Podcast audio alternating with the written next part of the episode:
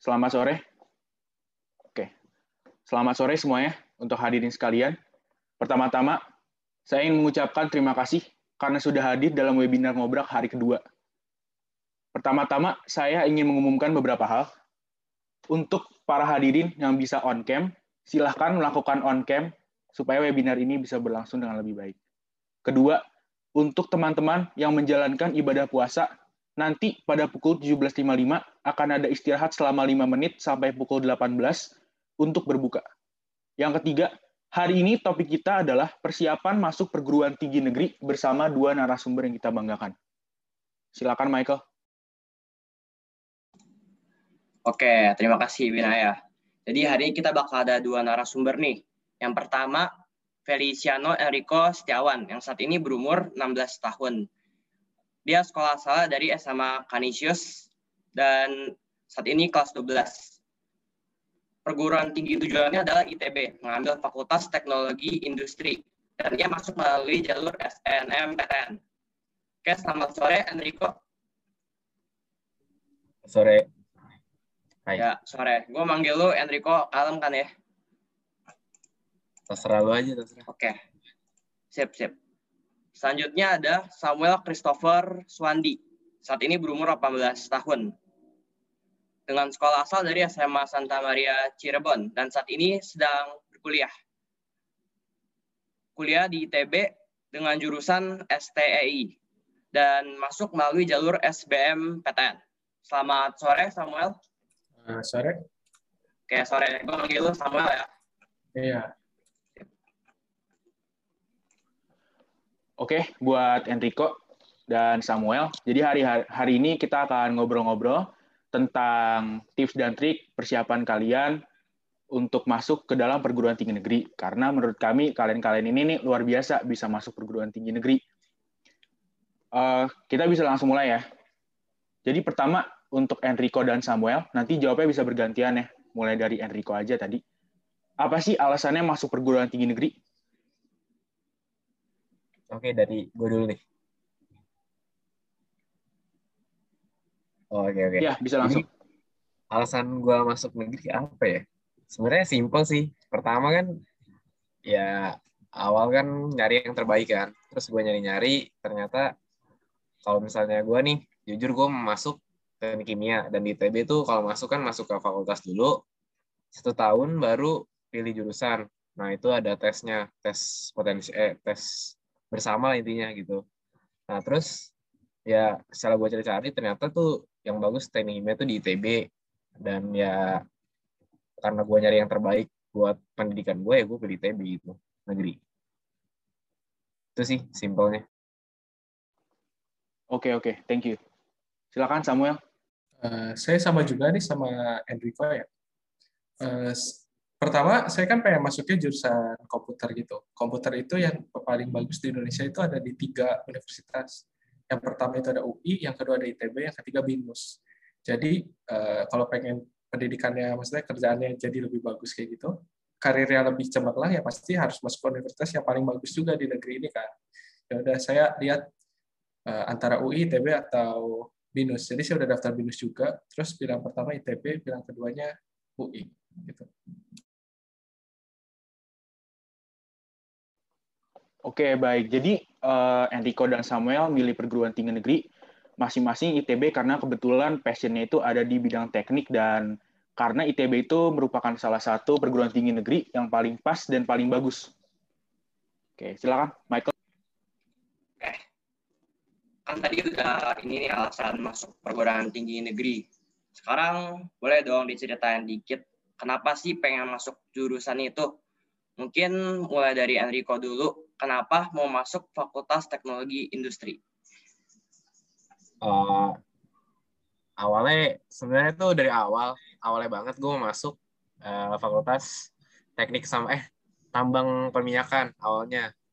Terus setelah gue nanya-nanya jadi sebelum lu masuk ke dalam fakultas nih misalnya lu mau pilih jalur SNM atau SBM nih lu jangan kayak jangan buta gitu. Misalnya lu pengen pilih FTI tapi lu nggak tahu FTI itu apa lu nggak tahu ke depannya itu kayak gimana misalnya. Terus kerjanya jadi apa? Nah lu sebelum itu harus cari tahu. Dan menurut gue salah satu sumber terbaik itu alumni alumni dari fakultas tersebut. Kayak gue nih uh, sumber gue tuh dari salah satu alumni fakultas teknik minyak dan pertambangan. Dia ngomong ke gue sendiri bahwa untuk 5 5 sampai 10 tahun ke depan kalau misalnya nggak ada nggak ada spesial dalam tambang dan minyak tuh susah cari kerjanya dan bakal agak ribet untuk masa depannya jadinya setelah gue cari-cari dan passion gue ini kan pelajaran gue kan fisika, kimia, matematika dan yang paling pas menurut gue Fakultas Teknologi Industri di Teknik Kimia. Itu kenapa gue bisa ke uh, Fakultas Teknologi Industri itu sih. Oke oke. Kalau sahabat sendiri gimana? Kenapa sih pengen masuk teknik elektro dan informatika? Uh, jadi kalau misalnya Enrico kan tadi uh, shifting gitu kan dari teknik minyak jadi ke teknik industri gara-gara peminat kerjanya nanti uh, dikit kan. Kalau saya beda lagi. Saya dari kecil itu emang suka main komputer gitu. Jadi kayak suka pokoknya semua berbau tech itu saya suka banget gitu. Nah, terus habis itu makin bertambahnya umur, makin riset gitu apa sih tech itu emang sebut sedibutuhkan itukah di dunia ini? Ternyata makin ke sini uh, uh, kayak IT kayak gitu kan makin diperlukan banget. Kayak kita bisa berbicara lewat Zoom kayak gini juga ada teknisi IT-nya kan yang bisa membuat program ini sehingga bisa berjalan. Gitu. Jadi saya melihat seseorang yang bisa melakukan hal tersebut tuh kayak uh, apa ya ternganga gitu, kayak keren aja gitu. Jadi ya udah masuk sana aja. Oh oke okay, oke. Okay. Ya semoga apa pun tujuannya buat masuk fakultas ini semoga bisa tercapai ya.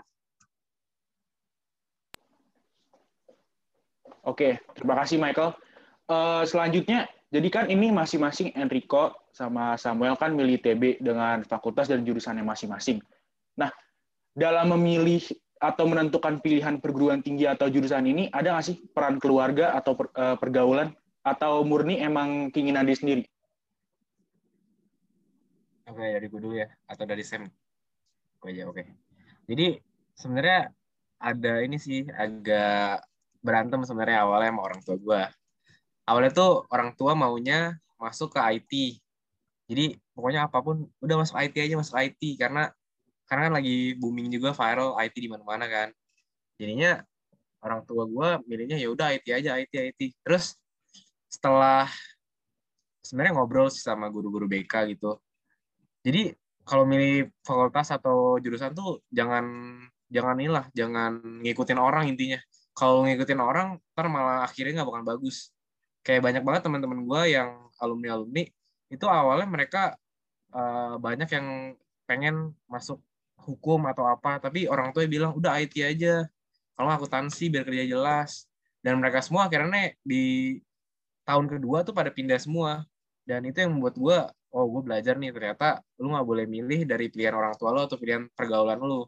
Lo harus pilih apa yang lu suka, apa yang lu minat, sama apa yang lu pengenin di masa depan jadi pekerjaan lu. Jadi lu kerja itu bukan jadi beban, tapi lu suka kerja itu. Kalau gue gitu sih. Oke, okay, oke. Okay. Thank you, thank you.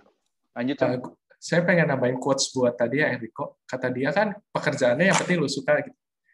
Kalau gue ngerasa di ITB ini semuanya kan yang dikerjakan itu berat gitu loh kayak chaos, bahasanya chaos. Jadi setidaknya kalau kalian memilih jurusan yang tepat, chaosnya tuh bahagia gitu. Jadi jangan chaos terus jadi beban gitu. Nah, terus uh, tadi jawabannya apakah ada peran keluarga atau pergaulan yang menentukan? Itu sebenarnya ada sih. Karena uh, orang tua sendiri juga pasti uh, sedikit besar pasti mempengaruhi pilihan universitas kita gitu. Misalnya saya pengen dulu pengen masuk IT itu ke UI dulu pertamanya. Karena di Jakarta juga koneksi lebih besar gitu daripada di Bandung. Eh tapi karena orang tua pengennya di Bandung aja karena dekat lebih dekat dari domisili saya ya udah makin lama gimana ya bosan di ya udah ITB aja ITB juga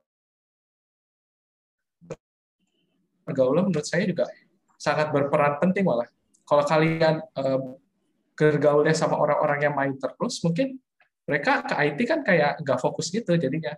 Maksudnya kayak IT kan teknikal banget. Ah kamu ngapain sih masuk IT mendingan bisnis aja gitu. Kalau kamu bergaulnya sama orang-orang bisnis, kalau kamu bergaulnya sama anak-anak ambis gitu, ya udah masuk IT aja bagus buat ngambis. Kalau ngambis kerjanya enak. Jadi itu dua-duanya menurut saya berperan sih. Oke baik. Jadi sebenarnya peran keluarga sama pergaulan tuh pasti ada ya. Pertama tergantung sebenarnya pergaulan kita tuh di mana jadi pergaulan kita tuh sebenarnya secara langsung mempengaruhi pilihan jurusan kita. Tapi perlu diingat lagi bahwa pilihan kita tuh sebenarnya eh, mengambil peran paling penting dan paling dominan karena kita harus menikmati apa yang kita lakukan. Apalagi kalau di TB kan kayaknya berat ya tugas-tugasnya. Makanya kita harus enjoy apa yang kita lakukan biar energi yang terkuras tuh nggak sia-sia. Oke, terima kasih. Lanjut. Oke, sekarang mengenai proses nih Tadi kan Enrico lewat SNMPTN ya, sedangkan kalau Samuel lewat SBMPTN.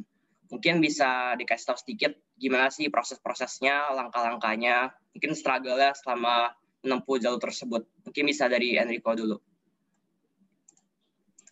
Struggle-nya ya?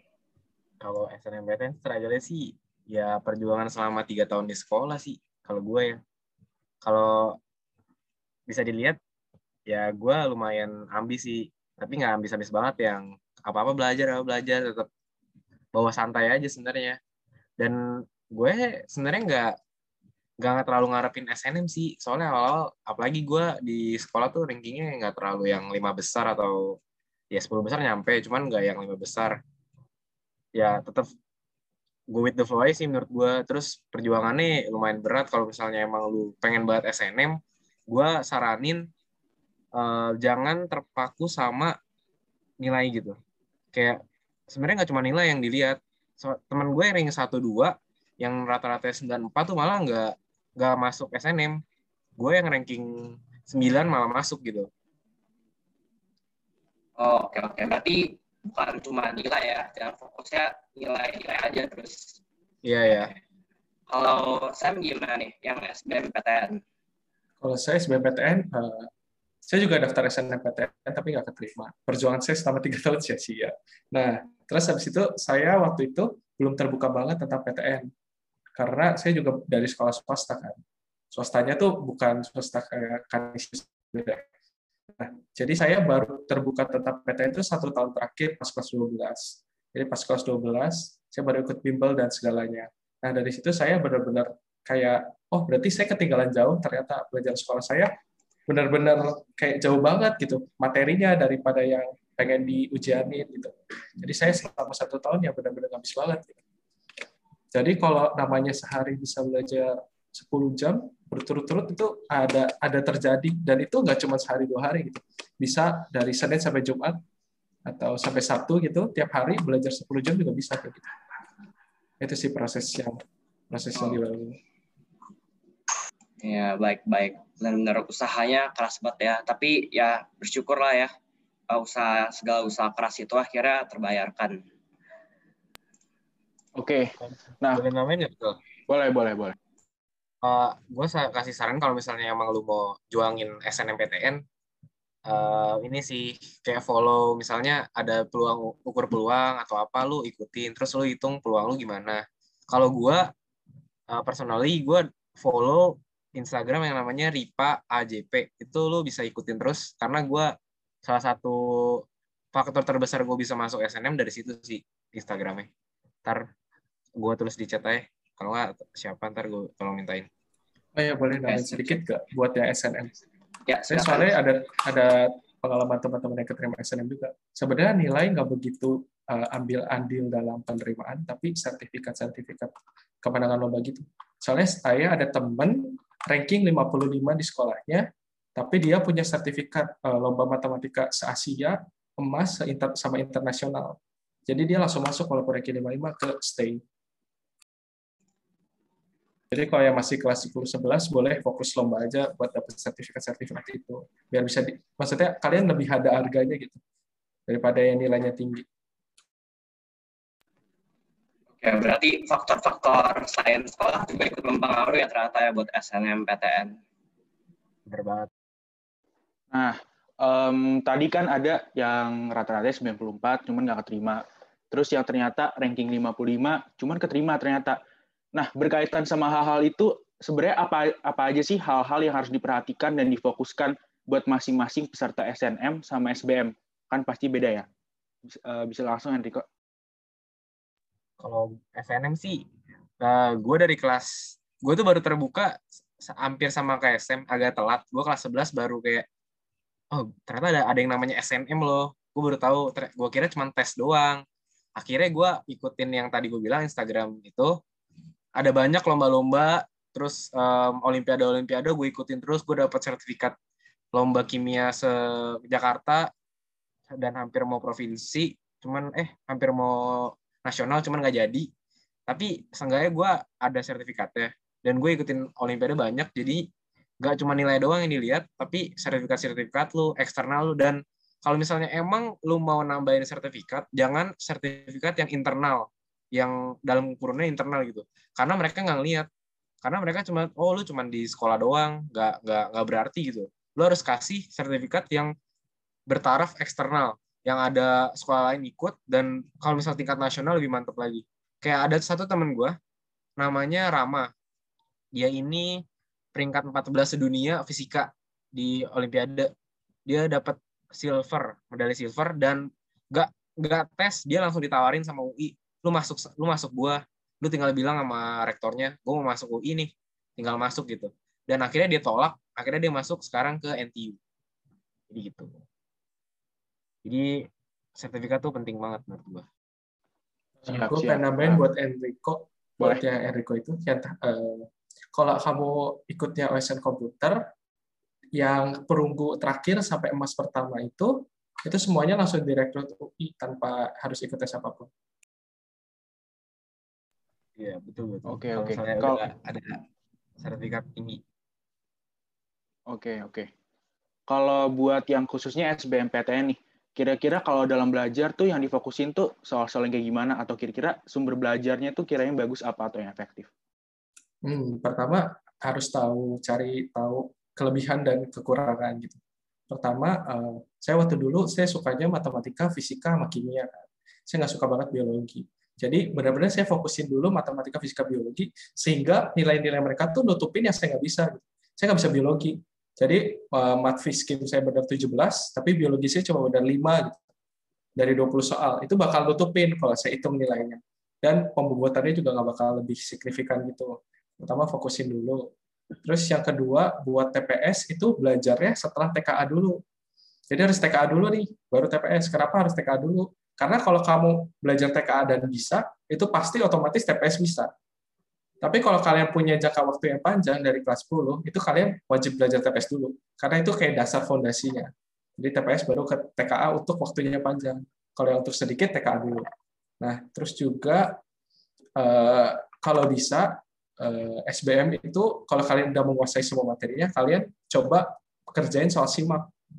Kenapa soal simak? Karena soal simak itu satu level di atas eh, soal-soal SBM, tapi satu level di bawahnya anak-anak lomba, soal anak-anak lomba. Jadi mereka tuh benar-benar buat testing, testing kita kemampuannya tuh udah nyampe gitu, udah nyampe belum gitu. Jadi kalau kalian udah bisa soal simak gitu, kalian udah pasti bisa soal SBM. Berarti tadi ada sedikit.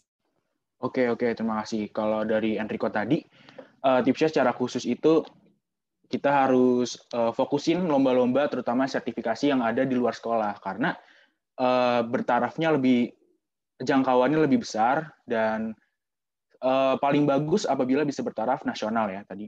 Nah, buat Samuel tadi tipsnya adalah ngerjain TPS dulu baru TKA. Uh, eh, sebelumnya boleh konfirmasi dulu nggak TPS sama TKA itu apa? Boleh dijelasin sedikit, nih?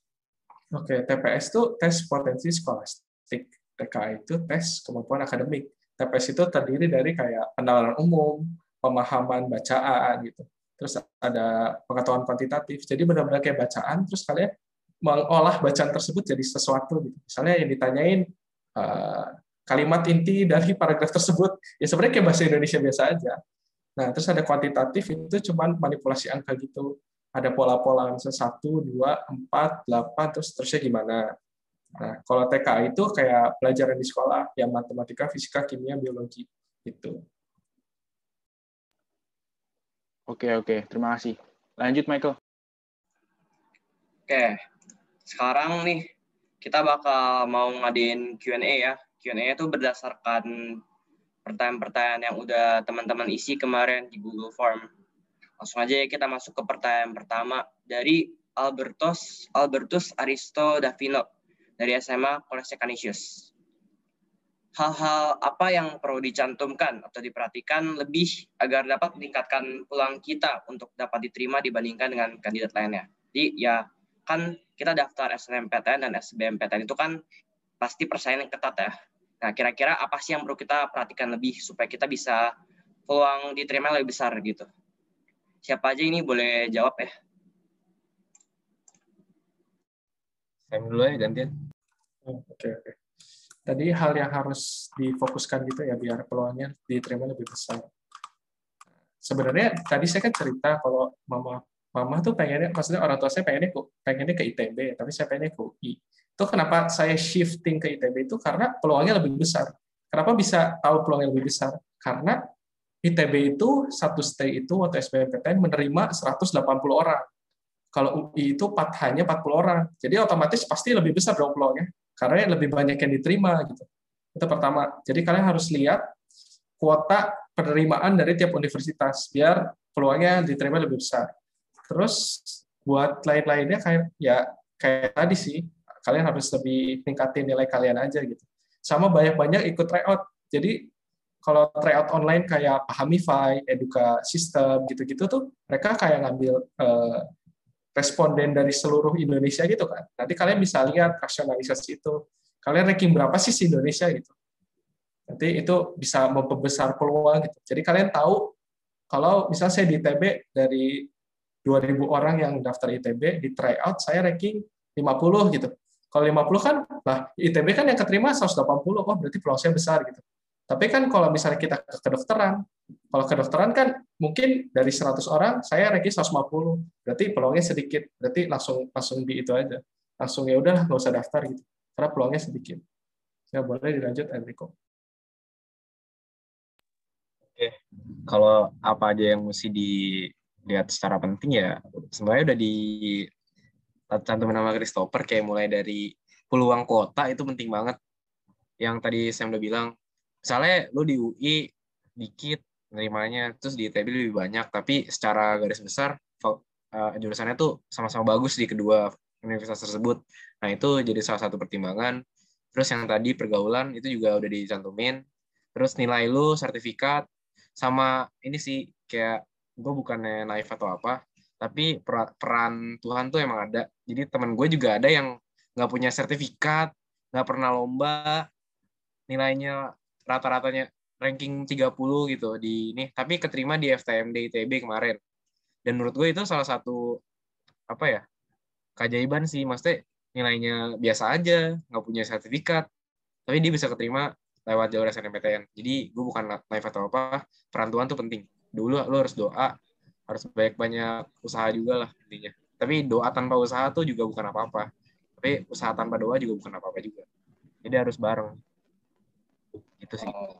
Oke oke. Baik baik. Berarti untuk memperluas peluang kita yang pastinya pertama kan perlu itu kan perlu untuk tahu kuota penerimaannya kayak harus cari-cari informasi dulu tentang kota universitas universitas mana pun yang kita mau terus juga tadi kan juga disebut harus nilai terus um, sertifikat-sertifikat juga ya harus dikuatin.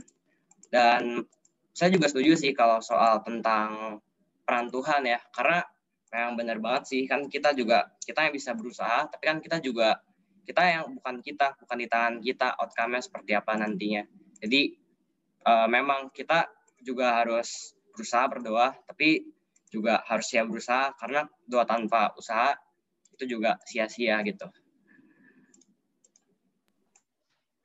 oke oke uh, selanjutnya kita ada pertanyaan dari Boni Ernesto Damanik dari SMA Kolesa Kanisius Pertanyaannya adalah, apakah telat memulai persiapan belajar untuk masuk perguruan tinggi sejak kelas 12? Dan apakah sebaiknya memulainya sejak kelas 11? Terima kasih. Bisa langsung dijawab. Uh, tadi mulai dari Samuel dulu. Eh, saya tadi udah ngejelasin kalau saya ngejarnya pas kelas 12 gitu. Kelas 12 juga nggak pas masuk kelas 12 langsung belajar. Jadi pas 12 semester 1 pertengahan itu saya baru mulai baru start. Tapi Uh, kalau kalian Aneh. pengen Maaf, maaf, lanjut aja. Ya, oke. Okay. Untuk yang kelas 12, kalau kalian pengen ngejar tuh sebenarnya bisa. Gak ada yang telat sih. Waktu Tuhan tidak ada yang tahu gitu. Kalian mau mulai kapan pun ya kalau Tuhan yang ngizinin. Maksudnya Tuhan kan ngasih tahu saya waktu kelas 12 gitu. Ya kalau Tuhan ngizinin saya masuk, ya masuk-masuk aja gitu. Gak ada yang telat gitu.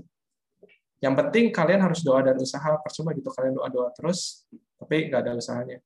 Gak ada yang telat kok.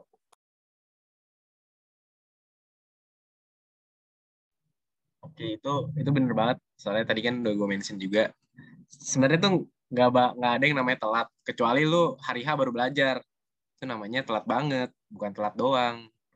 Jadi misalnya H, H sebul, hamin sebulan lah. Hamin sebulan tuh masih ada banyak waktu. Lu tapi lu harus tahu apa yang lu uh, apa ya ordernya gitu. Dari yang penting sampai nggak penting. Dari yang lu nggak bisa sampai yang lu paling bisa. Jadi belajar tuh dari yang lu nggak bisa dulu, jangan yang lu bisa lu belajarin terus terus terusan tapi yang lain lu lu buang aja gitu nggak nggak peduli itu nggak gitu juga sih soalnya kan eh, nilai UTBK tuh merangkup semuanya nyampur kan jadi ya menurut gua nggak ada yang telat cuman ya jangan jangan lu bilang tinggal sehari lu baru belajar gitu itu salah juga namanya gitu sih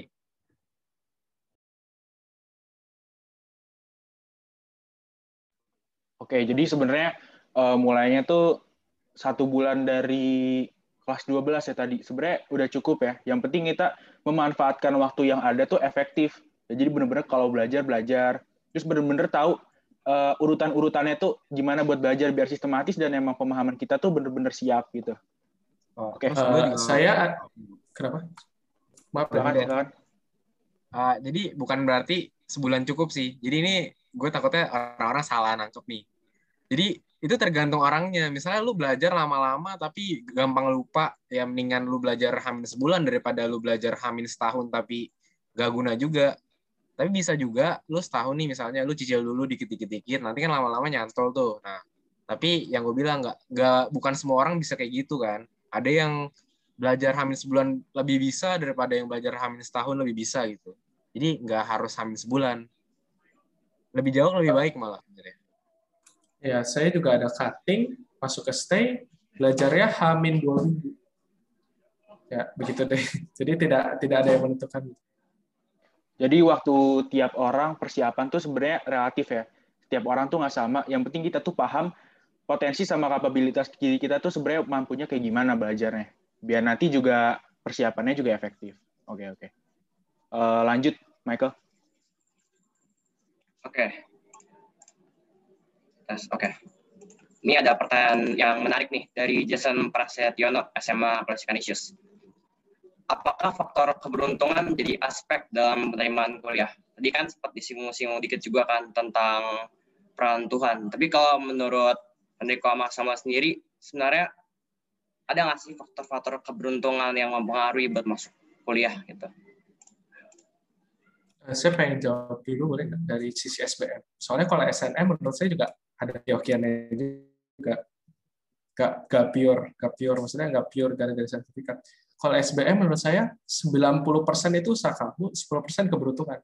Karena nggak mungkin ada gitu, maksudnya dari responnya bisa seribu orang gitu. Paling yang masuk gara-gara hoki itu paling cuma berapa orang gitu.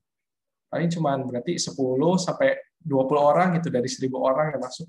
Dan itu mereka emang bener ada sih, orang yang benar-benar nggak belajar, masuk sana, ngeblok jawaban A semua tiba-tiba nilai 700 terus tiba-tiba masuk itu pasti ada pasti ada tapi kan banyaknya orang 90% lainnya 98% yang lainnya itu kan berjuang sendiri gitu jadi ah, faktor itu pasti ada sedikit banget tapi yang banyak itu faktor usaha kamu gitu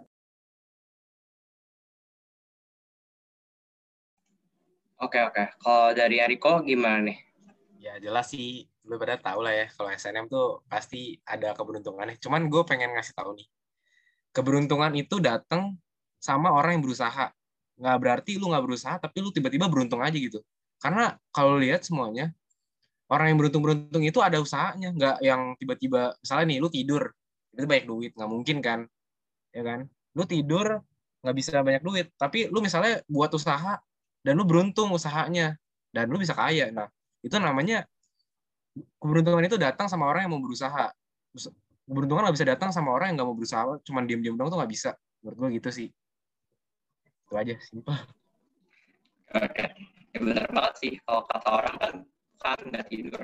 Ya nggak mungkin kan kita nggak ada nggak ngapain apa apa tiba-tiba ada hasil. Oke lanjut Ben. Uh, saya pengen nambahin saya setuju banget sih. Jadi sebenarnya keberuntungan tuh persentasenya kecil banget. Menurut saya sendiri sih keberuntungannya lebih baik diartikan sebagai campur tangan Tuhan ya. Jadi emang mujizat Tuhan yang udah ngeliat usaha kita gitu. Jadi emang kalau kita belajar keras, emang semesta tuh bakal ngasih kita hasil yang sepadan gitu. Oke, lanjut ya. Dari Samuel Putra Tondi dari SMA Kolese Canisius, pertanyaannya adalah apa motivasi narasumber dalam belajar dan bagaimana narasumber membagi waktu dalam belajar juga kegiatan di luar sekolah? Oke. Bisa langsung dijawab dari Samuel dulu. Uh, Oke, okay. saya waktu itu kan kelas 12. Jadi saya udah tidak berkegiatan apa pun di luar sekolah. Uh, sebentar. Terus habis itu gimana cara bagi waktu sama itu? Mungkin lebih gini aja deh. Bagi waktu gimana saya harus tetap uh, ranking bagus di sekolah, tapi saya harus tetap belajar buat SBM. Karena itu kan dua hal materi berbeda gitu. Jadi kalau dilihat-lihat dari jam tu, saya kan sekolah dari jam 7 sampai jam 3, jam 3 sore. Uh, istirahat itu total ada 30 menit dan dalam satu hari pasti ada sekitar dua jam kosong. Gimana caranya biar saya bisa cope up gitu, bisa dua-duanya terjalani dengan baik. Saya waktu jam kosong saya ngerjain selesai tugas buat tugas yang harusnya di PR-in gitu. Jadi nggak nggak ini nggak apa namanya nggak ketinggalan nggak keteteran biar di rumah bisa belajar. Nah pas istirahat itu pas lagi makan, mungkin selesai makan dulu ini nggak benar, saya waktu itu ambil makan, ambil belajar buat SBM gitu. Nah, nanti kalau misalnya jam kosong ya udah maksudnya tugasnya PR udah selesai semua di jam kosong, jam kosongnya dipakai buat SBM. Nah, materi sekolahnya, gimana cara ngejarnya? Kalian pas di kelas, pas guru lagi jelasin, jangan bengong. Benar-benar kayak merhatiin kalau ada gurunya gitu. Karena menurut saya SBM itu harus belajar sendiri, kalau materi sekolah harus merhatiin guru.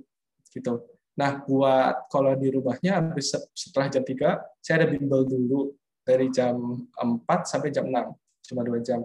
Setelah itu, dari jam 7, saya biasanya pakai Podomoro. Kalau kalian ada tahu metode Podomoro itu, Podomoro itu jadi kayak ada pembagian-pembagian waktu sama istirahat, biar belajarnya efektif. Jadi misalnya, kalian belajar 30 menit, istirahat 10 menit. Nah, terus habis itu kalian belajar lagi 30 menit, istirahat 10 menit. Nah, itu bakal lebih bagus daripada kalian berturut-turut belajar 10 jam gitu. Itu bakal harus ada selang-selingnya gitu. Istirahat kalian bebas, kalian mau main ML, main Dota gitu. Ada ya? ya udah semua. Oke, gue ya. Um, kalau jujur nih, gue itu bukan orang yang terlalu disiplin-disiplin banget yang bisa bagi waktu dengan baik. Cuman gue tahu apa ya prioritas gue. Misalnya pelajaran biologi itu kan yang bisa dibilang pelajaran yang kalau di sekolah gue itu bukan yang hafalan itu harus dengerin guru. Jadi setiap biologi pasti gue bangun gue dengerin gue bakal fokus. Tapi ada juga pelajaran-pelajaran yang menurut gue ah ini mah gampang ini bisa di rumah atau bisa di rumah sendiri. Jadi gue tahu gitu. Jadi misalnya kalau gue kan uh, tipe-tipe anak yang insomnia gue jujur gue insomnia. Jadi gue tidur tuh tiap hari bisa jam 3, jam 4 atau jam 5 baru tidur terus jam 6 udah sekolah lagi. Kalau gue tiba-tiba kayak gitu. Jadi waktu-waktu gue kebanyakan malam gue pakai buat belajar. Jadi di sekolah gue ada bagian nih gue tuh bangun gue dengerin. Ada juga yang gue tidur gitu. Jadi gue nggak naif juga gue banyak tidur juga di sekolah. Bukan gue bukan tipe-tipe anak yang ngikutin terlalu ngikutin aturan aturan sekolah. Ya gitulah. Jadi harus harus tahu lah prioritas lo yang mana terus lu harus tahu lu tuh terbaiknya gimana potensi lu yang paling baik gimana. Kalau misalnya emang lu nggak bisa belajar sendiri ya lu harus dengerin dengerin gitu. Jangan lu amat itu namanya bodoh.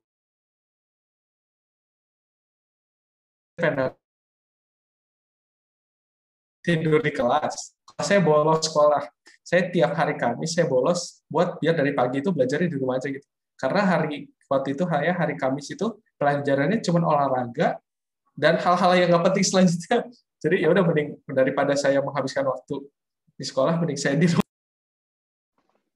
Oke, oke. Bisa Ditiru ya, tidak patut ditiru. Tapi kalau emang ada sih sebenarnya. Jadi kalau dari Samuel tadi namanya kalau yang saya tangkap ya itu lebih ke kalau belajar tuh lebih ke frekuensinya ya keseringnya bukan lebih ke durasi 10 jam uh, langsung bablas gitu. Langsung gas ke, tapi nggak ada jeda. Lebih baik ada banyak jeda tapi diulang-ulang terus biar cepat nyantol. Terus harus paham juga prioritas. Jadi kadang-kadang ada yang kurang penting itu bisa dilewatin. Cuman bukan berarti bener-bener apa ya lawan tetap tertib sekolah sih kalau gue tangkap ya tadi. Yang penting tuh kita bener-bener paham apa yang harus kita lakuin uh, buat persiapan kita masing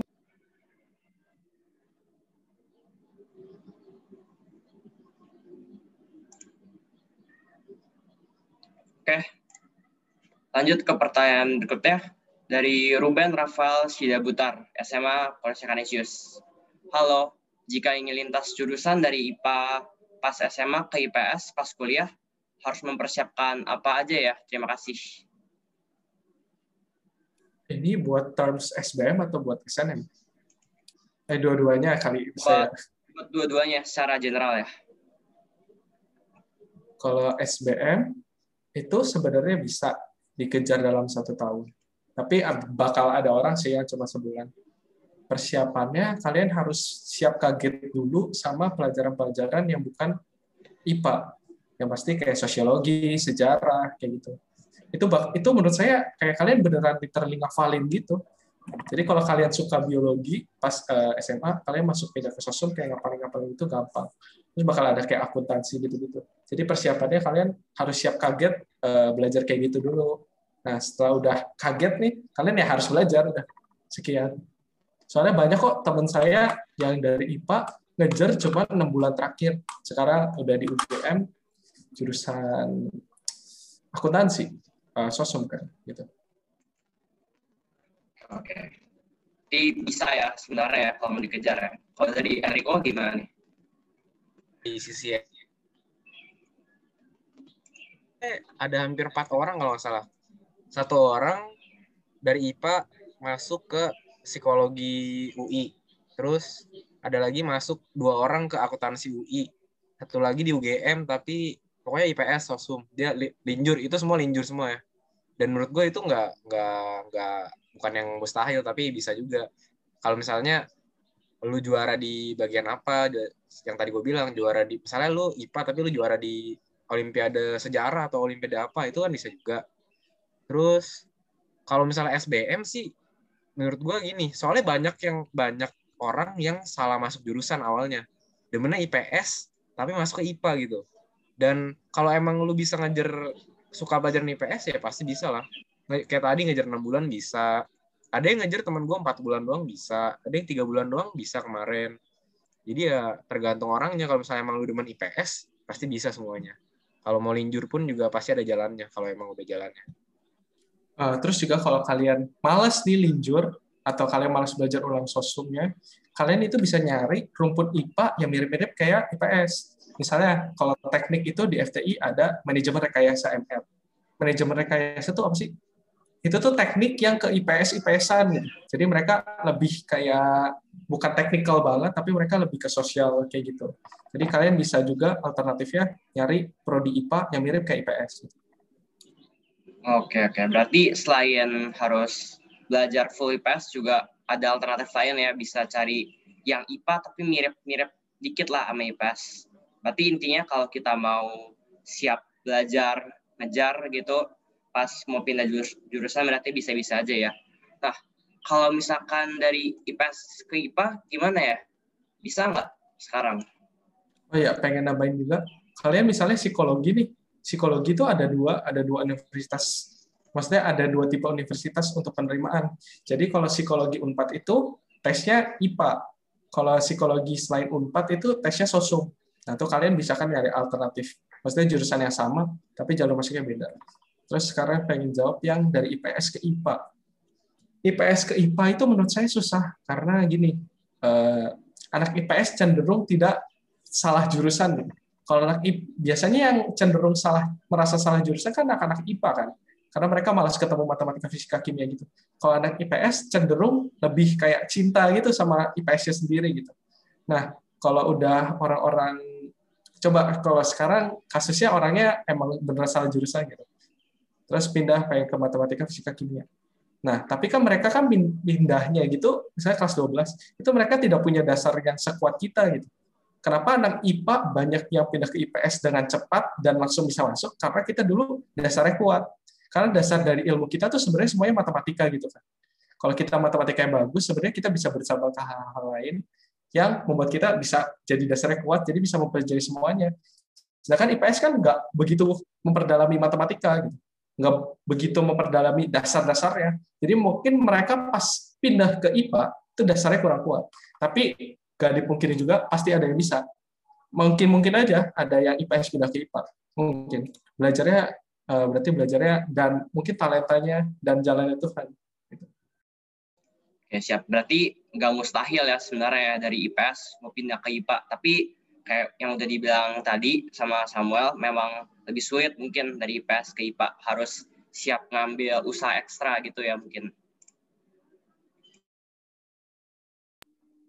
Oke, uh, lanjut ke pertanyaan berikutnya dari Clarita Darnesia dari SMA Santa Maria Cirebon. Pertanyaannya adalah, apa yang menjadi pertimbangan saat memilih universitas antara PTS dan PTN? Mengapa lebih memilih PTN? Alasannya? Enrico dulu tadi, boleh? Oke. Okay. PTS, PTN. Ya, sebenarnya nih awalnya tuh gue udah ada cadangan, pengen ada cadangan. Awalnya gue tuh pengen ada cadangan. Gue tuh pengen cadangan di binus ambil food technology nah setelah itu gue pikir-pikir lagi nih udah duit gue hilang kan kalau misalnya gue cadangan di binus. Gue ternyata masuk masuk PTN nah duit gue tuh 8 juta hilang. 8 juta tuh sesuatu yang lumayan menurut gue nih. Jadi gue pikir-pikir lagi gue ambil cadangan gak ya gue ambil cadangan gak ya dan secara secara garis besar ternyata di ITB itu lebih bagus daripada di binus kalau untuk uh, foodtech-nya ya kan. Terus setelah gue lihat-lihat, oh ya udah deh gue nggak usah ambil PTS dulu, PTS belakangan, PTS bisa nanti gitu. Tapi ya konsekuensinya ada juga kalau PTS belakangan, lu dapat yang lebih mahal ya kan. Jadi ya menurut gue ini sih lu harus lihat dulu mana yang lebih bagus terus mana ya yang lu pikir yang perlu dicadangin atau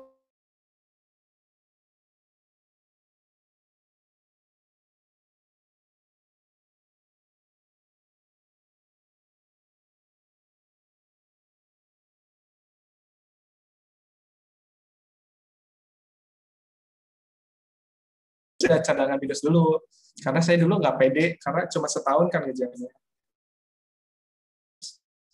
Habis itu uh, saya milih SNM UI SBM-nya nah konsiderasinya kenapa bisa milih PTN gitu?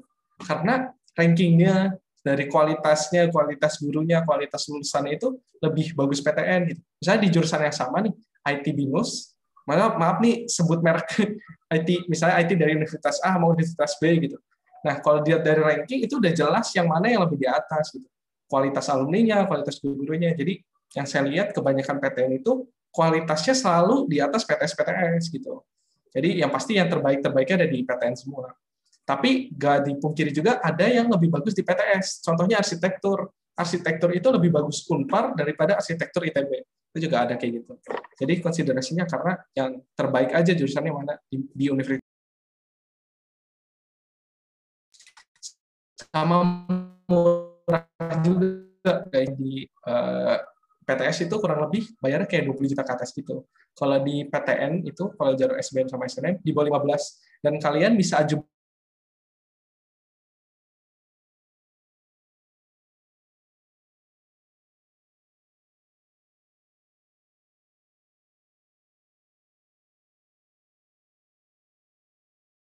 saya nggak sanggup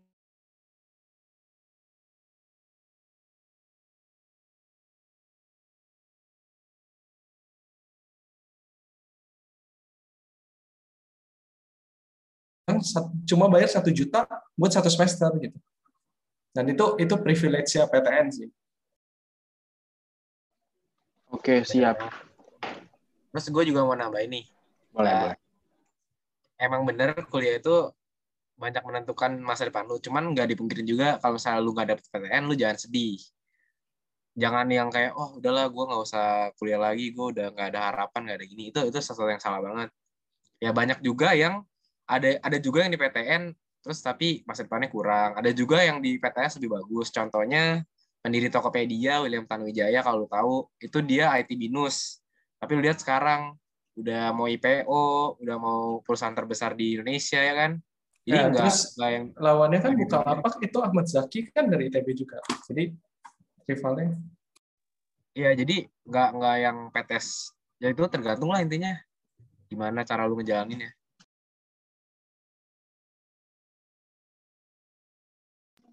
Oke, oke. Jadi Oh iya, pengen nambahin juga. Kalian boleh. juga bisa lihat dari ikatan alumni-nya. Jadi biasanya itu kalian bisa lihat persentase orang-orang suksesnya di tiap di tiap itunya, di tiap universitas ya. Nggak di TB dari 1000 jurusan, 700 orang sukses gitu. Berarti ikatan alumni yang di maksudnya di apa ya sektor masing-masingnya kan pasti ada banyak gitu. Berarti kalau kalian masuk ITB, kenal sama alumninya kan kalian masuk ke jalur situnya lebih gampang ke sektor tersebut ya. Itu juga bisa jadi konsiderasi.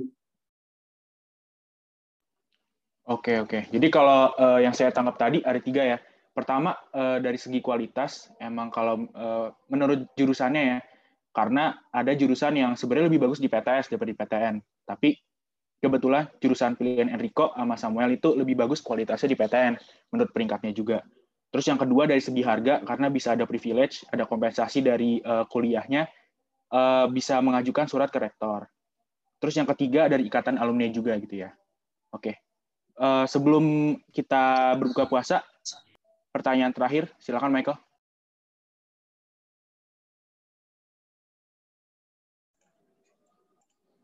Oke, baik. Ini untuk pertanyaan terakhir ya sebelum kita berbuka dari Alfian Darius, SMA Polres Canisius. Apa yang harus dilakukan bila seandainya ternyata kita salah memilih jurusan dalam kuliah, tapi sudah terlanjur?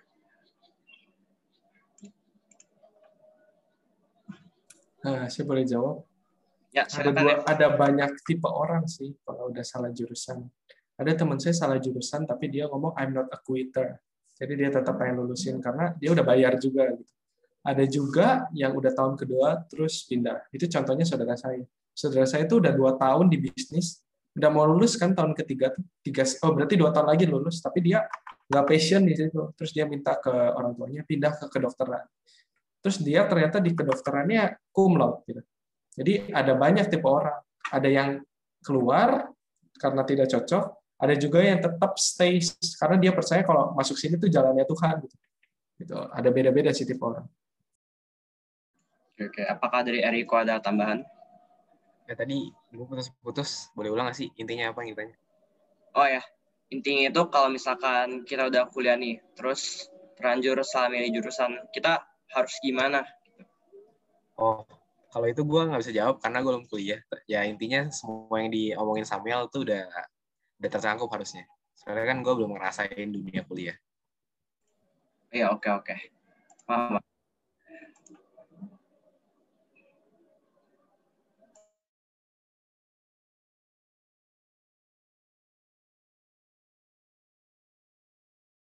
Oke, eh, kalau gitu sudah mendekati pukul 17.55. Udah pukul 17.55. Untuk teman-teman kita yang menjalani ibadah puasa, selamat berbuka dan kita akan kembali lagi pukul 18 WIB untuk melanjutkan sesi Q&A. Boleh off cam, tapi nanti jangan lupa kembali ya. Makasih semuanya.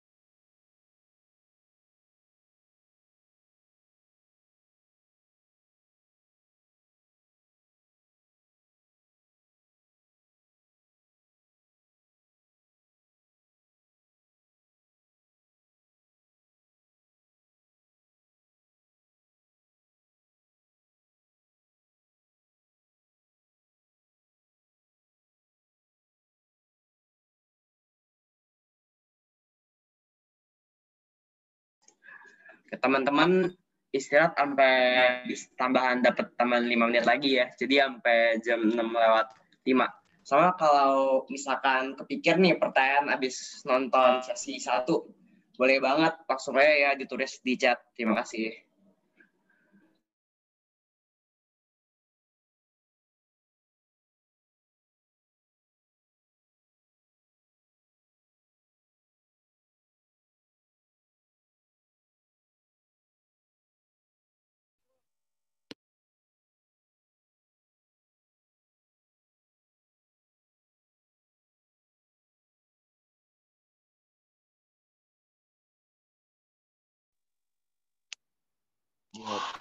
maneira.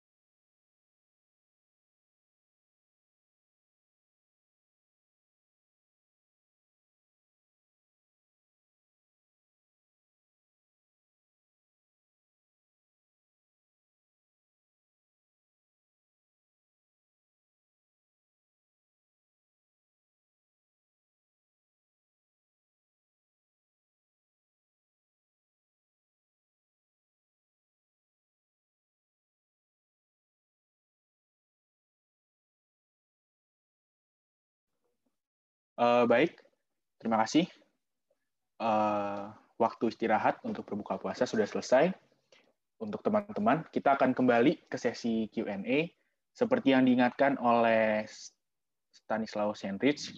Untuk teman-teman yang mau bertanya langsung, bisa langsung on mic aja ya nanti di sesi Q&A. Selanjutnya, kita akan melanjutkan pertanyaan-pertanyaan yang sudah diajukan melalui Google Forms seperti tadi. Oke, pertanyaan ini datang dari Nikolaus Arditya Kristiantio dari SMA Kolese Canisius. Pertanyaannya adalah, hal apa yang harus dipersiapkan dari kelas 10 untuk masuk perguruan tinggi negeri? Jadi persiapan, tapi khususnya buat kelas 10. Kelas 10 Enrico aja tuh, SNM. Oke. Kalau kelas 10 ya, gue nggak terlalu relate sih gimana. Soalnya kan dari kelas 10 gue nyantai banget. Tapi intinya, kalau dari kelas 10 lu mau perjuangin SNMPTN ya, lu perjuangin aja. Lu banyak lomba, sertifikat, olimpiade. Terus, jangan malas-malasan juga sih intinya. Ya, lu nikmatin boleh. Tapi, kalau masih kelas 10 sih menurut gue masih bisa lah lu nikmatin. Soalnya, dua minggu belajar, dua minggu enggak gitu. Jangan yang tiap hari gitu. Uh, terus juga kalau bisa kalau emang bener-bener niat ya lu ikutin soalnya kan BTA nih. BTA tuh ada yang sesi dari kelas 10 gitu. Dari kelas 10 lu bisa ikut. Kalau emang lu mau nyicil bener-bener nyicil kayak lu ambis banget itu bisa. Jadi lu dari kelas 10 udah bayar les. Tapi bisa juga lu belajar aja sendiri di Pak Amify udah beli ngikutin program-program dari yang Instagram tadi gue kasih program-program di pejuang PTN Indo terus workshop lulus PTN itu di Instagram banyak dan gratis-gratis juga ada Pamify edukasi sistem terus uh, mana lagi ya pejuang PTN Indo workshop lulus. PTN tuh boleh-boleh Zenius juga boleh ya lu cicil-cicil aja kalau misalnya, misalnya emang dari kelas 10 cicil pelajarannya cicil materi-materi yang lain juga bisa TPS-nya kalau gue sih menurut gue gitu.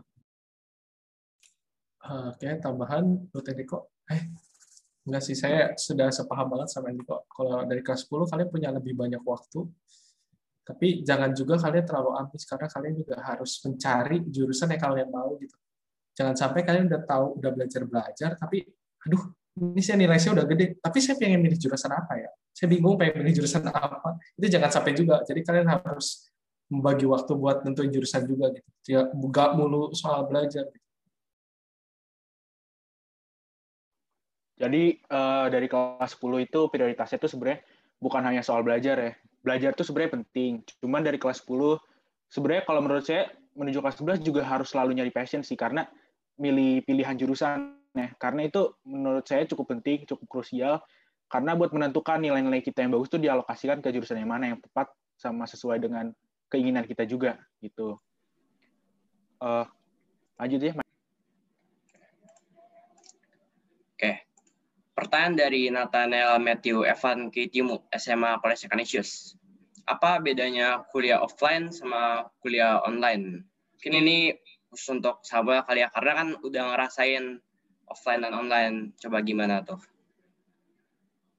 Halo, maaf, gimana? Di, boleh diulang? Oh, maaf um, apa perbedaan kuliah offline dengan kuliah online? Hmm, saya juga belum kuliah offline. Soalnya saya waktu itu saya kan keterima tahun 2020 tuh, 2020 udah udah online, belum nggak Oh. oh. Jadi maaf saya nggak bisa jawab. Oke oke oke. Ya, bisa dilanjutin oh, gue boleh jawabin sih, soalnya gue udah pernah nanya sama cutting gue. Boleh nggak sih? Oh, oke okay, Jadi okay. sebenarnya kata dia sih itu beda banget. Terus intinya tuh kalau online tuh kayak lu nggak lu susah lah sosialisasinya. Terus jadi makin susah misalnya ada buat kelompok. Kalau di sekolah kan gampang. Kalau di kuliah tuh intinya yang buat kelompok terus banyak um, gue jujur aja ya banyak yang kayak minta jawaban sama lu nih misal lu pinter nah mereka kayak minta jawaban lu tuh gampang banget kayak lu tinggal ngechat atau apa dan itu jadi sesuatu yang agak nggak enak kalau misalnya online jadi banyak cutting gue yang bilang enakan offline intinya gitu hmm oke okay. berarti ya pasti lebih enakan offline ya kalau dibandingin sama online juga pasti juga lebih seru kalau offline gara-gara bisa ketemu langsung kan sama belum teman-temannya. sih. Mohon maaf, maaf motong. Karena gini, bagi sebagian Oke, orang oke. juga lebih enak online karena mereka nggak bisa fokus kalau ada sekitarnya ada banyak orang. Ada teman saya yang malah lebih pengen online gitu karena ya environment-nya lebih enak di rumah gitu. Kalian kan kalau di rumah juga kelas kan lebih enak gitu. Nggak bisa dipungkiri kalian di kelas juga tetap tiduran gitu. atau bolos kelas kan gampang. Kalian tidak ada merasa bersalah, rasa bersalah yang berlebihan gitu. Jadi saya mah waktu kuliah bolos ya ya ya nggak boleh sih masuk zoom-nya tapi saya nggak nggak hadir di tempat gitu kan itu enak kan maksudnya dalam konotasi yang agak buruk Hmm, bener-bener berarti ya tergantung orang itu sendiri lah ya lebih prefer mana online atau offline. Oh ya, eh, saya mau nanya nih, penasaran aja. Kalau misalnya dalam sistem online kayak gini, itu bentuk ujian di kuliah itu seperti apa ya? Eh, apakah emang bentuknya penugasan biar kita bisa banyak explore atau justru emang ujian biasa tapi emang proktornya itu ketat? Hmm, ada ada dua ada dua ada dua. Eh tadi kamu kan ini ada ada yang itu yang universitas itu ada yang ngasih UTS-nya tuh seminggu gitu. Jadi kalian kayak soalnya banyak banget jadi emang harus seminggu gitu kerjanya kalau di TB sendiri nggak ada yang kayak gitu. Di TB tuh ada dua tipe ujian. Satu tipenya yang on cam on mic share screen dan harus kelihatan muka. Jadi kalian suara apa pun ke, eh, itu kena sama tipe yang kedua kalian cuma kerjain soal biasa aja gitu tapi nggak on nggak on mic nggak on cam jadi ada dua itu Oke, oke, oke. Thank you. Lanjut ya. Pertanyaannya dari Nicholas Bungaran Martua dari SMA Kolese Canisius. Apakah meraih apresiasi di SMA Kolese Canisius sudah cukup? Mungkin buat Enrico. Meraih apresiasi. Kalau buat SNM kali ya, Iya. ya yang tadi gue ngomong sih itu nggak cukup juga. Temen gue yang tadi gue bilang nih satu dua rata-rata 94 tapi SNM nggak masuk. Giliran gue yang yang 9 ada juga yang ingin 30 malah masuk. Jadi nggak melulu soal apres tapi ya kalau misalnya emang bisa apres itu bonus sesuatu yang hal yang membanggakan buat lu. Tapi nggak cuman apres doang menurut gue. Dan banyak udah banyak buktinya sih soalnya nggak cuman apres intinya gitu. Oke, jadi apres itu sebenarnya buat apresiasi buat apa ya? Semacam kayak medali buat bentuk usaha kita dalam pembelajaran di SMA Kolese Canisius, tapi bukan berarti eh, tujuan utamanya itu untuk meraih apres itu gitu ya. Jadi banyak yang harus tetap kita evaluasi dan harus tetap kita lengkapin diri kita nggak hanya sertifikat-sertifikat apres gitu. Iya ya. Terus juga apres tuh menurut gue lu jadiin motivasi aja lah. Lu dapet uh, nilai bagus ya itu berarti uh, motivasi lu nih, eh gue pengen dapet nilai bagus buat dapet apres nih. Tapi lu nggak masuk PTN tapi buat apres gitu. Nggak gitu. Oke oke, thank you. Bisa lanjut Michael? Oke. Sekarang ini nyinggung dikit nih soal tadi kan dibilang harus ada kegiatan yang eksternal, nggak cuma sebatas internal doang di sekolah nilai-nilai gitu. Ini ada pertanyaan dari Alexander Brian Arsa Pratama dari SMA Kolese Canisius. Apakah OSIS itu udah termasuk eksternal dan apakah perannya signifikan dalam penerimaan perguruan tinggi negeri? Uh, gue dulu kali ya. Tergantung sih. Ada juga yang iya, ada juga yang enggak. Kalau di CSS sendiri kan OSIS cuma bersembilan nih. Terus juga kegiatannya tuh bener-bener yang gede banget bisa satu Indonesia kayak kemarin temu kolase itu kan dari ada yang dari Solo, ada yang dari mana. Itu kan salah satu kegiatan eksternal yang bisa dibilang gede banget lah. Jadi itu salah satu pertimbangan juga tapi nggak semuanya OSIS tuh berpengaruh gitu. Ada juga yang OSIS kan cuman asal-asalan doang. Ada juga OSIS yang nggak jelas. Kalau emang OSIS bener, lu jadi ketua ketua kegiatan yang besar banget itu berpengaruh juga.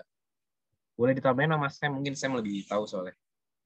Uh, saya buat yang SNM itu jadi ketua OSIS juga maksudnya kalian mempunyai ekstern OSIS juga ada sebagian orang yang ada yang masuk ada yang enggak.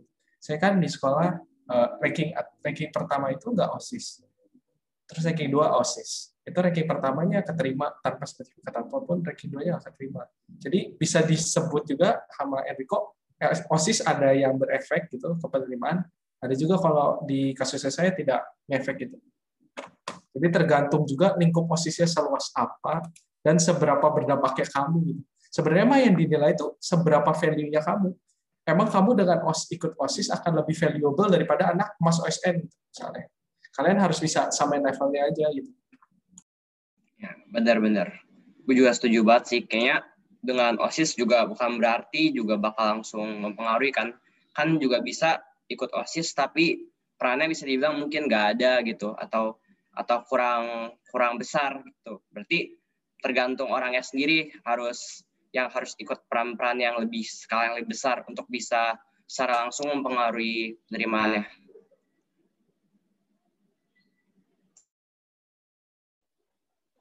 Oke, terima kasih. Pertanyaan selanjutnya dari Brian Sucahyo dari Watcom Community College. Bagaimana sistem pembelajaran kuliah di Indonesia? Mungkin yang dimaksud tuh uh, sistem kurikulum mungkin atau rutinitas Pertanyaannya, sistem pembelajaran kuliah di Indonesia. Mungkin Watcom Community College bukan di Indonesia. Jadi untuk Samuel mungkin yang sudah kuliah. Uh, jadi kalau di ITB sendiri itu ada rumpun-rumpunnya gitu. Kalau di stay itu nerima ada banyak, ada matematika, fisika, pokoknya di kalau awal-awal semester satu itu di, di pertama dibagi dulu per SKS itu udah ada 18 SKS dan ITB udah paketin sendiri-sendiri gitu.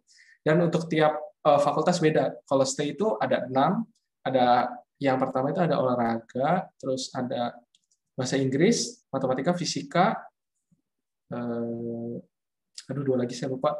Pokoknya nanti tiap-tiap itu, oh ya ada pengenalan komputasi, sama satu lagi, nah nanti nanti kalau ingat. Nah, pokoknya nanti setiap setiap kayak gitu tuh ada bobotnya masing-masing gitu. Jadi kalau misalnya matematika itu 4 SKS, jadi bakal lebih diutamakan daripada olahraga. Olahraga cuma 2 SKS. Jadi satu SKS itu dihitungnya kalian dua jam belajar di dua jam tatap muka, satu jam belajar di rumah, satu jam tugas.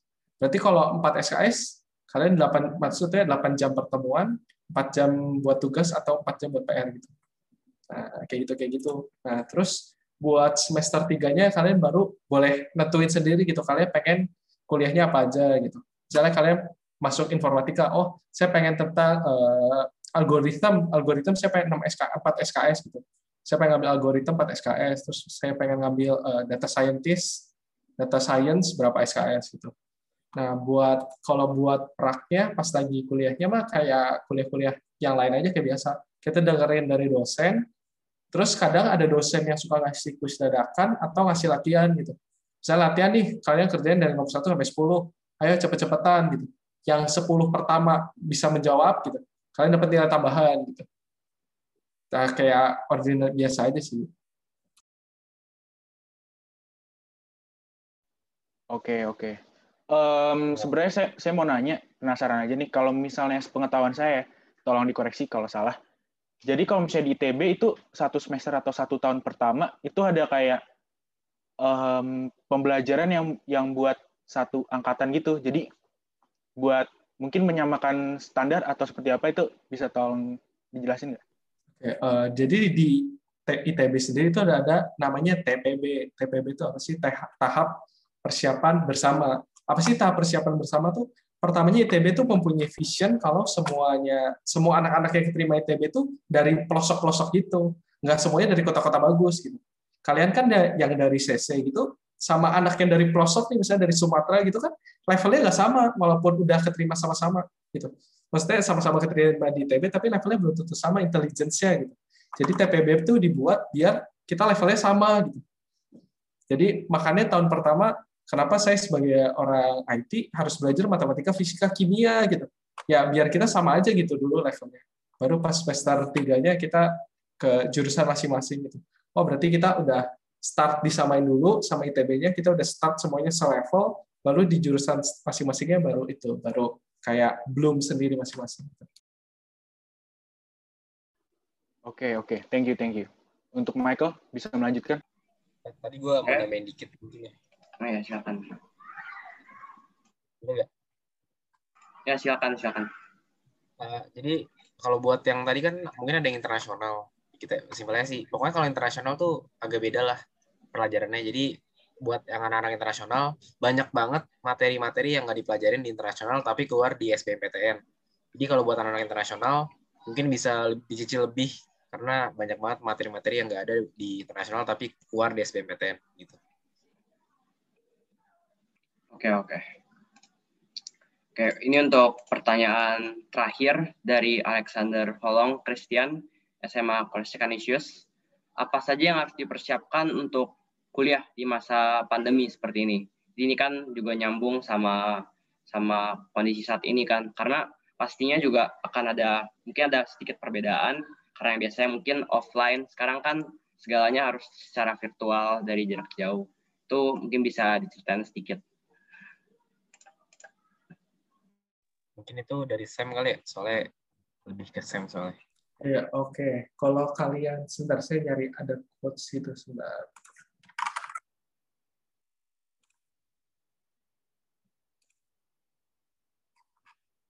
Sebenarnya cutting tuh pernah kayak ngasih tahu gitu apa sih yang harus dipersiapin. Ini menurut cutting cutting dulu. Bentar ya.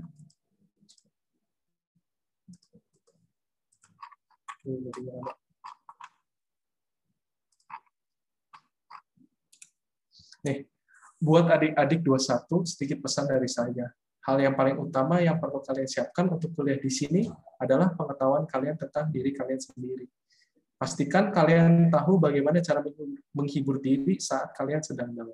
Gimana bangkit lagi setelah mental breakdance. Gimana cara kalian mengatasi demotivasi. Termasuk gimana kalian percaya sama diri sendiri. Yakin aja kalau kalian punya jalan dan waktu sendiri. Semangat ya. Masuk ke universitas itu bukan akhir dari segalanya, tapi permulaan dari segalanya.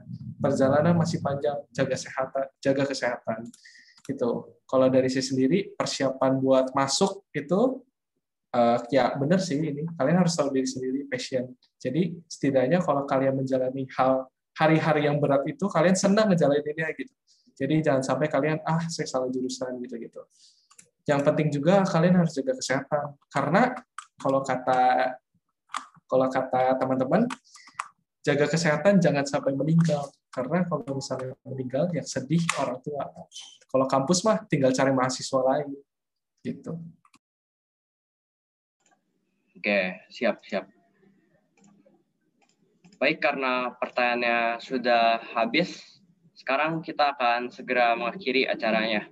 Tapi mungkin sebelum kita tutup, apakah ada sepatah dua kata mungkin dari Enrico atau Christopher? Mungkin bisa mulai dari dari Samuel dulu kali ya, untuk pesan-pesan ke penonton yang menonton dari rumah.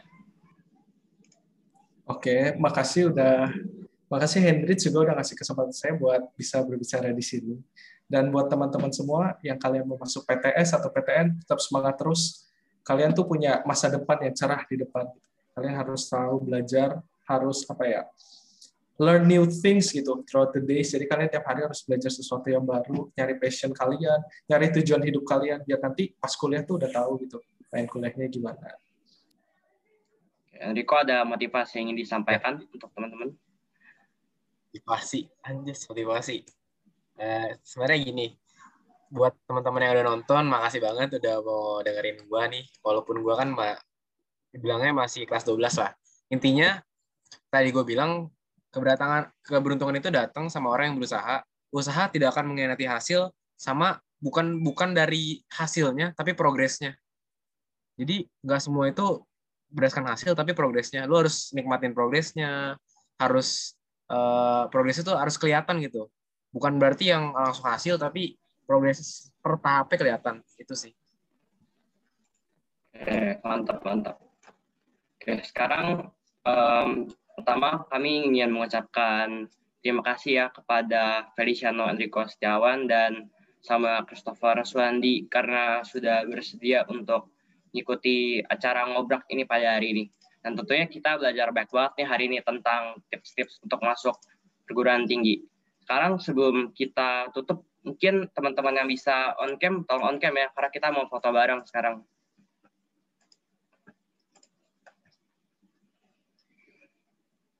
Yuk, teman-teman.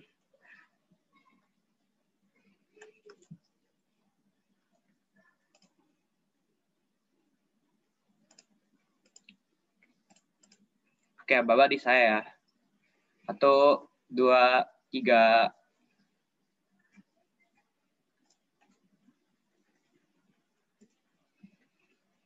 Oke, cakep. Oke, makasih teman-teman semuanya. Sekarang kita bakal tutup acara hari ini dengan doa dipimpin oleh Benaya. Oke, terima kasih semuanya. Saya akan menutup dengan doa. Saya akan menutup dengan cara Kristen Protestan. Untuk teman-teman yang berkeyakinan lain, harap menyesuaikan. Mari kita berdoa. Tuhan, terima kasih untuk berkat-Mu. Melalui persekutuan kami pada hari ini, kami bisa berkumpul, kami bisa mendengarkan pengalaman kerja keras dan sepatah rupa kata dari narasumber kami. Kami sudah belajar sangat banyak Tuhan. Terima kasih, mohon berkat-Mu kiranya bisa menjadi sumber motivasi kami untuk semakin giat belajar dan menempuh jalan pendidikan kami dan mencapai cita-cita kami. Terima kasih Tuhan.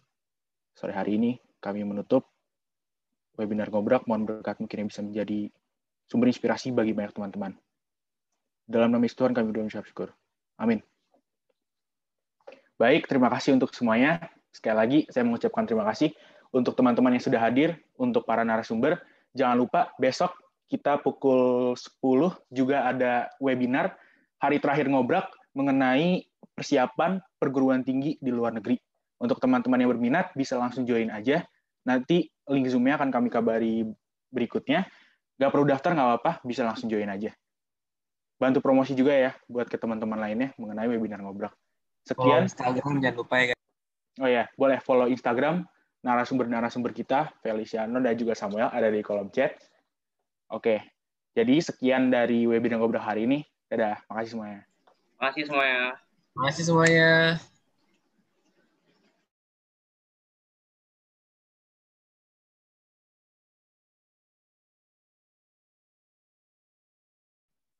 Gila, Hendrix keren banget, sumpah. Abang, Thank you, thank you, thank you. ya kalem-kalem.